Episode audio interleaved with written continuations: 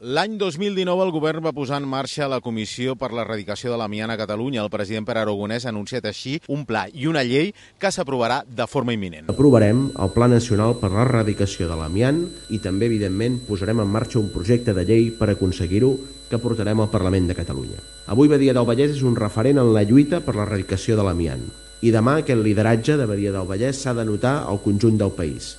Amb aquesta aprovació es completarà el cens de productes i materials amb amiant, s'elaborarà el marc normatiu per la retirada i implicarà formar professionals per realitzar la gestió dels residus.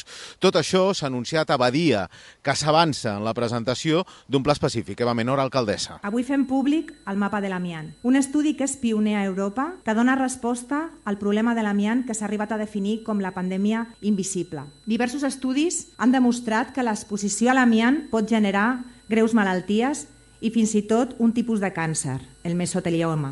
Els 5.372 habitatges dels 200 blocs que conformen aquesta ciutat estan afectats.